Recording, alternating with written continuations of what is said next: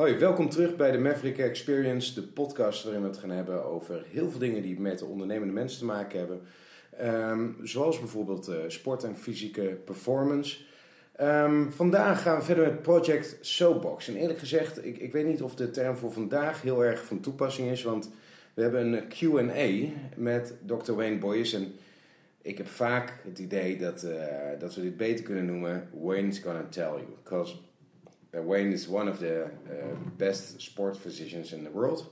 Am I saying that right? Yes, possibly yes. Possibly. Well, I think you're one of the best well, in the world. thank you very much, and thank you for having me again. Yes, well, it's, it's going to be fun today because we have a Q&A. We had um, a post up on Instagram yesterday and on LinkedIn, um, on the Maverick Training Instagram and on my personal LinkedIn. Uh, and to introduce myself, I'm Peter Bulsink. Um, and we got some questions I want to shoot at you, so you, you don't know what's uh, coming. And we got a bit of fun today, but it's it's kind of odd because well, we, we, we put a post up uh, yesterday, and people saw that we were drinking wine, and uh, they actually commented. Some people just uh, uh, were commenting because I invited to do a podcast with them, and they say, "Well, you're drinking wine, so what should we drink during the podcast?" But other people invited themselves and just offering whiskey and, and beer and stuff. But we drink wine. So, first question What's your favorite kind of wine and why do we drink wine to, tonight? Skull. Skull. Well, I think when you. Uh, when you're relaxed after a long day of, um, of consults, what we've done today, I think we deserve a nice glass of wine just to help relax. Uh, my favourite wine? Mm, I don't know. I have lots of different wines. I'm a um, easy drinker. yeah, I'm an easy drinker. Yeah, but it's also nice to have a nice uh, a nice bottle. I'm not really a, a favourite of uh, of any wines, but I like nice wines in general. Yeah, it's just uh, the social aspect as yeah, well. Yeah, I think that's what it is. I mean, if you have nice friends and company, sometimes the wine is absolutely uh, rubbish, but it's still nice to have a drink of wine. Yeah, well, gives you a bad headache the next morning, but that's another that's another day. Depends on which wine and how much you drink. Yeah, yeah, yeah, yeah, true. Okay. Well, we, we're going to start with a Q&A and um, one of the first questions is from uh, Rolinde. Rolinde, she, uh, she's been in the gym with you as well for a consultation. Um, and her question is, what's the effect of nutrition on physical performance? And I think she, she means physical performance in sports. So what's the biggest effects of nutrition in physical performance, according to you? Uh, well, in my opinion, uh, physical performance, obviously, uh, the, the nutritional side is very important. It also depends on what type of sport you are doing. If it's more explosive sports, then the diet or nutritional side is going to be completely different compared to an endurance someone who's spending four or five hours a day running or cycling. In which way? Which the the, the biggest way? Well, I think if you're an explosive, um, uh, say if you're a sprinter, you don't need a lot of carbohydrates to to make that ten minutes or uh, sorry, uh, ten seconds or twenty seconds burst. You've got to be more protein based because you're doing a lot more strength training as well carbohydrates comes in a big play as well, but I think one of the main sources would be a, a, a protein um, diet rather than a high carbohydrates and you're doing endurance. So, yeah, but what, what would be uh, the downside of more carbohydrates when you're uh, sprinting?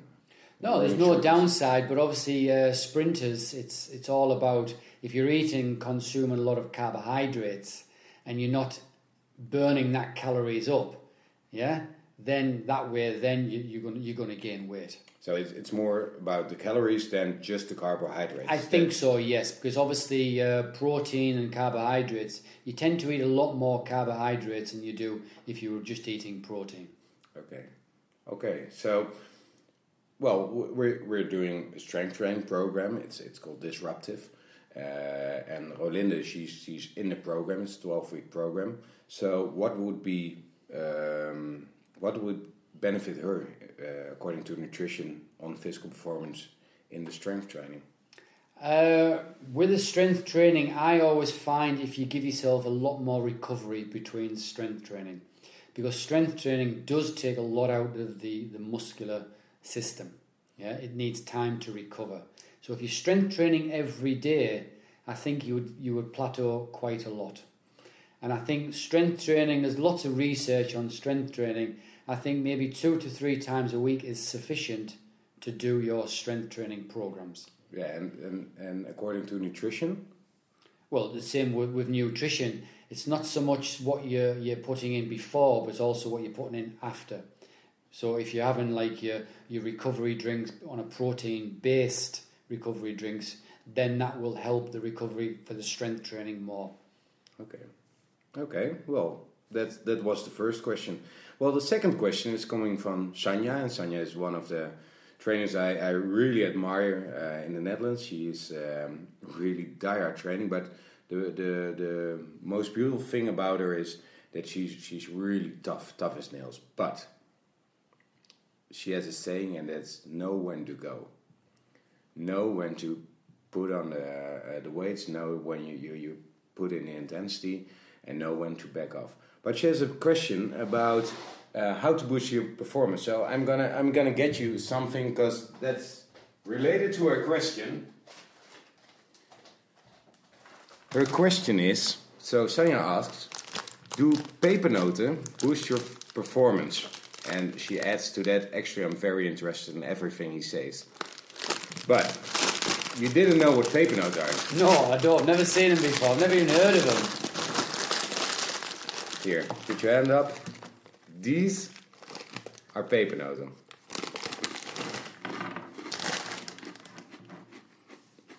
Well, It's it's a typically Dutch treat. Do you like mm-hmm. it? it's nice when you have the same biscuits with a coffee. yeah. Well, you're British, so Yeah, you're or all even a tea. But uh, regarding performance, I don't think this would be a. Beneficial? Mm, no, no, not really, no, because it's quite high in sugar. Well, it'll get the bowels going. Well, yes, as well. But if you haven't got a problem with, um, uh, I think it would spike your energy, your energy levels a little bit too high. So you would see a, a, a, a spike, and you would see it come down after that. Yeah, but but in in my favor, there isn't any upside on pepernotes because I, I like them a lot. Yeah, I mean, it's everyone's to the different taste. They are very nice, but I think if I was going to do a, um, a hard uh, workout, I wouldn't have these as a, as a pre pre workout snack. No, no. Maybe maybe as a, as a treat, but not exactly as a, a pre workout. Uh, Oh, you're making me a bit sad now because no, it's not that. I mean, if you're training hard, you, you're welcome to have whatever you want afterwards within reason. But regarding this, uh, in my opinion, no, it wouldn't improve your performance. okay, sorry, Sanja, it's it's not really. Sorry, I'm, I'm, I'm trying to just. Yeah, sorry, not sorry. Yeah, yeah, stop eating them. I'll, I'll I'll get me some. So let's get it back. they are very nice, I Yeah. must admit. If if you start eating, you you won't stop. Yeah, they're a little bit, uh, once you, it's like Yeah. they're like Pr- Pringles, they're not the best of things, but once you pop, you can't stop.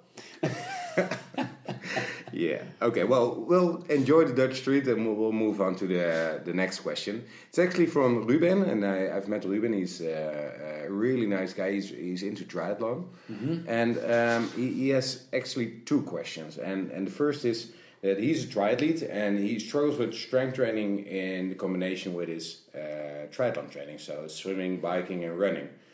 So how would you advise uh, combining strength training into a triathlon programming? Well, me coming from a, a triathlon based background as well, I raced um, triathlon for oof, 15, nearly 16 years at a very high level and competed in the world championships as well. So, Really? yeah, You've never told me that. you never asked me. Yeah, 96, I come second in uh, the Europeans, so that's one of my- 96? Yeah, nah, I'm sure, yeah. Oh. 1996.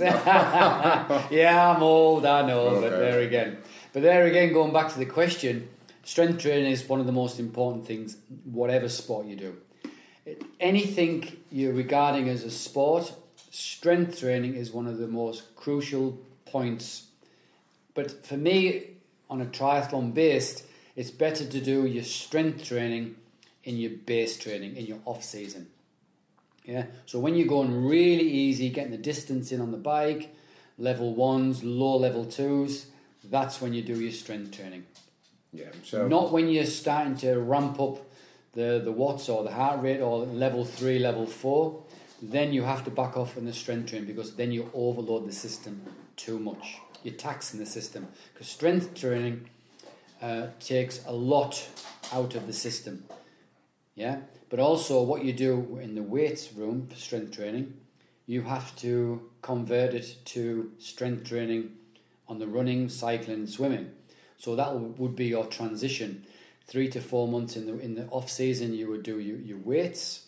Then you would transition into the, the, the hills for running, pushing big gears on the bike, and resistance uh, uh, swimming. Yeah, so so just to sum it up a bit, like training uh, methodology, it's like you do your general general physical preparation. Yeah, I'll always do your strength training in the base. Yeah. In the base, then do your transition into the bike and running and swimming. Yeah, and if because because I know a lot of triathletes and they I, I really admire them because of their their energy and the discipline in, in training, but it doesn't look like they're having an off season. It goes all year round, and especially in the winter, they're they're still putting in a lot of work into Yeah, that's Getting the that's the in. biggest thing that I learned over the years. Triathletes train too too hard, too long. Right? You have to prioritize. You have to have goals. So you, every time you step out of that door, every day, you have to have a goal. What you are going to do that day. If you haven't, but that goal is towards the big goal. Say if Yeah. you if you you have to peak twice a year in a triathlon, you have to peak. If you're training for an Ironman, it's once a year. If you're training for Olympic distance, you can get away with three or four. Okay, but give yourself three months in between.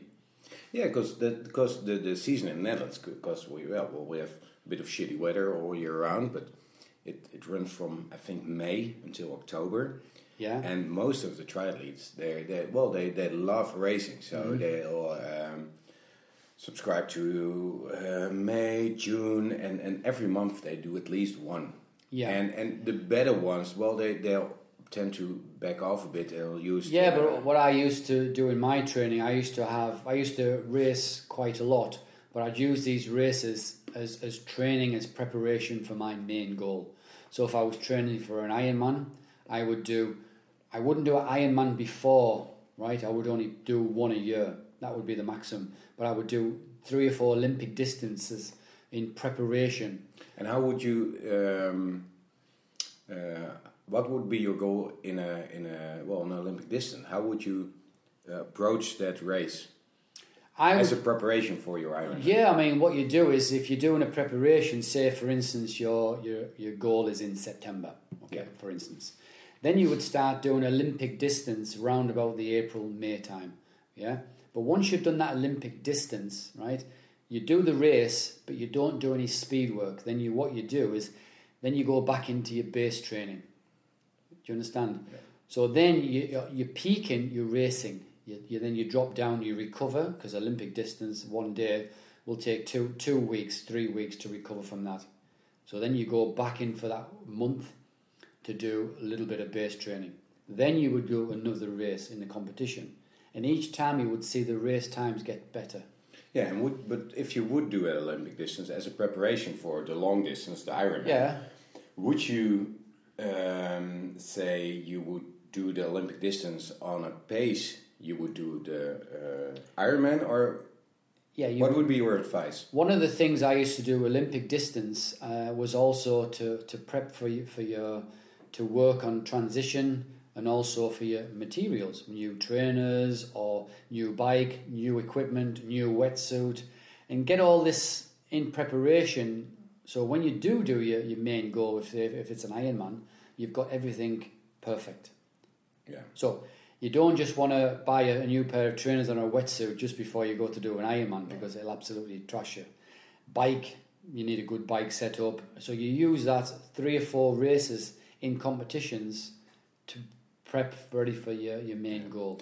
So to sum it up a bit, it's it's like you you got a good you need a good programming throughout the year. Yeah, you need a, you need at least a, a ten month training program, and in between of that, you need at least two months of very very light active recovery, very light. So strength training would be the base in the off season, and then you would go into or the translation from strength to Yes. cycling, running, swimming. Yes. Okay. And um, it, it's a little bit of an add-on uh, to the question from Ruben. Um, he, he, he says he, he find it, he's struggling with uh, finding the balance between a full-time job and a high level of training and staying healthy. So if, if he would do the program just like you said, two months two months just doing well, not nothing but a little, and then ten months of program, what would be, be his benefits for staying healthy? Well, if he's having like a two month uh, off season, I think that's the time is to uh, just let the body recover. Yeah, there's lots of things you can do. You can work in the two months. Don't have complete two months off. Go walking, take the family walking, spend some time with the family as well, which is crucial because what I found out being a full time triathlete in the past, you have very very little time. I was working full time in the Institute of Sports Medicine, so I had very little time to spend with my family because I wasn't training. I was I was at work. So then you have to prioritize that two months. Is that's when you would do your family holiday, you do nice things, but also that's times when you can work on your your breathing patterns. You can work on your flexibility. You can work on your mobility.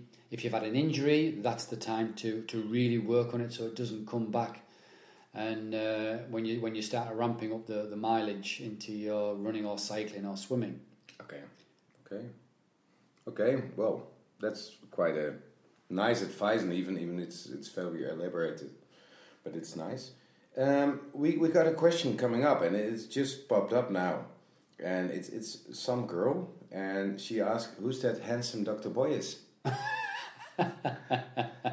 well, I wouldn't go as far as that, like, but uh, Me neither, but yeah, yeah, I'm sorry about that. yeah, all, all the seeing the, the pictures on Instagram on the Maverick Training Instagram, so. Yeah, I, I think I'll think you're you're a good catch for some girls. Hey, yeah. Well, obviously, it's uh, it's virtually is. Uh, I'm, I'm coming up to uh, 52 soon, and I think to keep it a a, a, a good a good uh, fitness and and to keep yourself fit and active. As you get older, it becomes a lot more difficult. But what I have found as you get older, you need more recovery days. Instead of going out and really just battering yourself day after day, the body just breaks down. yeah, because one and a half year ago, I think you were bettering yourself down on the on the on the bike. Yeah, I mean, I mean, I did some ex- really ex- some really extreme. I did the uh, the Pyrenixos in Spain, which which I won. Uh, it was uh, 365 kilometers gravel with 2,000 meters of climbing in under 15 hours. That's hard. But then I really paid the price after that because uh, a month later I cycled from Spain to England, 2,000 kilometres in six days. Then once I got to England, I did a two day stage race.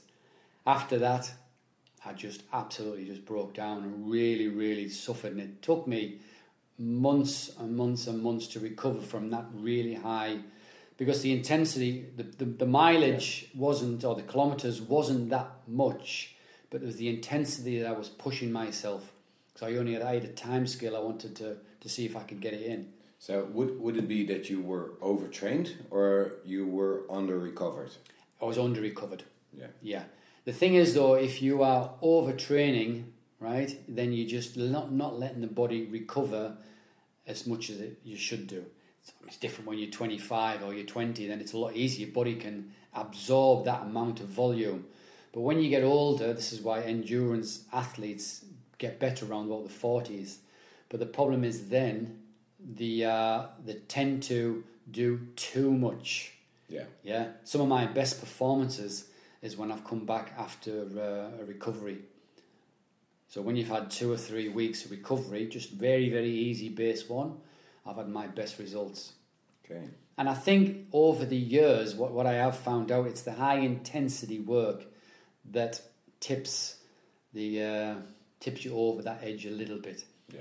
If I keep the base for my, if I, if I can give a tip to anyone, the secret is keep your base all year. Keep that very easy level one, nose breathing, less heart rate. Don't start pushing yourself. The biggest factor for injuries coming from a doctor in sports medicine is ego. That's the only thing. Yeah. For instance, on, on Friday, I went out with two very, very good cyclists. Yeah. But they're finding out now if they're not going at 38, 40 kilometres an hour average after 100 Yeah. kilometres, they're not performing well. Yeah. But uh, the, the, the, the, first thing he said to me, Oh, you're pretty fit for an old man. I said, Yeah, because all I do, I just con- concentrate on my base. I do very little speed work because speed work takes me too long to recover from as you get older. That's why I like my base long, slow miles. Yeah. I can do a lot of speed work, but then I have to give myself a lot of recovery afterward. Yeah. So, because we were actually talking about a bit of a challenge, you want to cycle from, of uh, well, from I don't know how to call to call it in English, but the the, the most south, southern point of uh, of the Netherlands and Yes. cycle through all twelve provinces. Yes, That's about six hundred kilometers 600 kilometers within twenty four hours. within 24 hours. So that's well, it's a lot of work. So it's it's quite intense. Yeah, I think because I think if you uh, if you structure yourself, and for me because I've been training all my life, I don't have to give myself much time to prep for that. All I need is just time in the saddle. Yeah. Yeah, good uh, good nutrition on the day is, is the crucial point. Well hydrated. Well, thank you, because that's my job. yeah, so that's a. don't, uh, don't put that pressure on me. And I think it's like like we said yesterday. It's the, the they're only discovering now the the endless possibilities of human performance. Yeah, if you can feed that engine, it will go virtually forever. so if because I'm driving the car that that Yes. will guide you and Yes. I, I will handle your your nutrition. So if you're really lacking energy, what's the best thing I can hand you from the car to you cycling? As a quick fix, which it's not really ideal, is simple Pepernoten. baby noses. Yes, that's a simple quick fix, but I think long term. And, and, and you mean the, the sugars from pepernoten? Yeah, sugars. Yeah, but when you're cycling that distance, you, you need you need fat. Yeah. Yeah. you need fat to fuel. Because one of my uh, uh, secrets, well, it's not a secret, is I do a lot of training on a fasted state. So that means I train running and cycling with no food in my system. So I get my body used to burning fat as fuel. So I'm virtually I'm in a ketosis state. So then I can go four five hours without eating, just just just drink water. Yeah. So my body then can convert that. So when I'm doing a big ride, two or three months before, I will just eat and eat and eat, try and get them calories into me. Yeah, so you got a lot of fat on your Not so much fat, but I have a lot of reserves. Yeah, and the week before the long the, the ride, I would just take a complete week off and just do one hour each day. Very very easy, just to get the body used to. But isn't it just just the fasted state that well that's giving you an advantage on, on burning the eh, choose a fuel for your body, but also just you mentally uh, getting used to not being hungry or at Yeah. least I think once Coping you, yeah, once you're training in a fasted state, it's the the problem that a lot of people find is it's a mental thing because you're that used to eating before you go Mm-hmm. training. Yeah, but once you start into the train your body into training while you are in a fasted state, it becomes so much easier. But the good thing why I like to do it is I can't push too hard. I ride with a power meter, for instance. yeah Yeah. So I know I keep my watts below 180. So my heart rate is around about 120 at that. That is my fasted uh, state for my body to work But wait, perfectly. wait. Every time we go on a on a cycling trip, you start off with two hundred watts. Yeah, So you're kind of fucking me because within within twenty minutes I'm already dead, and you're you're yeah well Yeah, I mean the thing is, if you keep it average at 200 watts, yeah, it doesn't matter if you go an uphill, downhill on the flat. no, but you start off with 20, 200 watts. I'm not even warm, and you're already Yeah. pushing 200 watts. Yeah, but for me to do 200 watts is, is quite easy from the uh, from Yeah. the, the, the years of being cycling. Yeah. So we're, we're talking a bit of new, uh, uh, of nutrition just yet.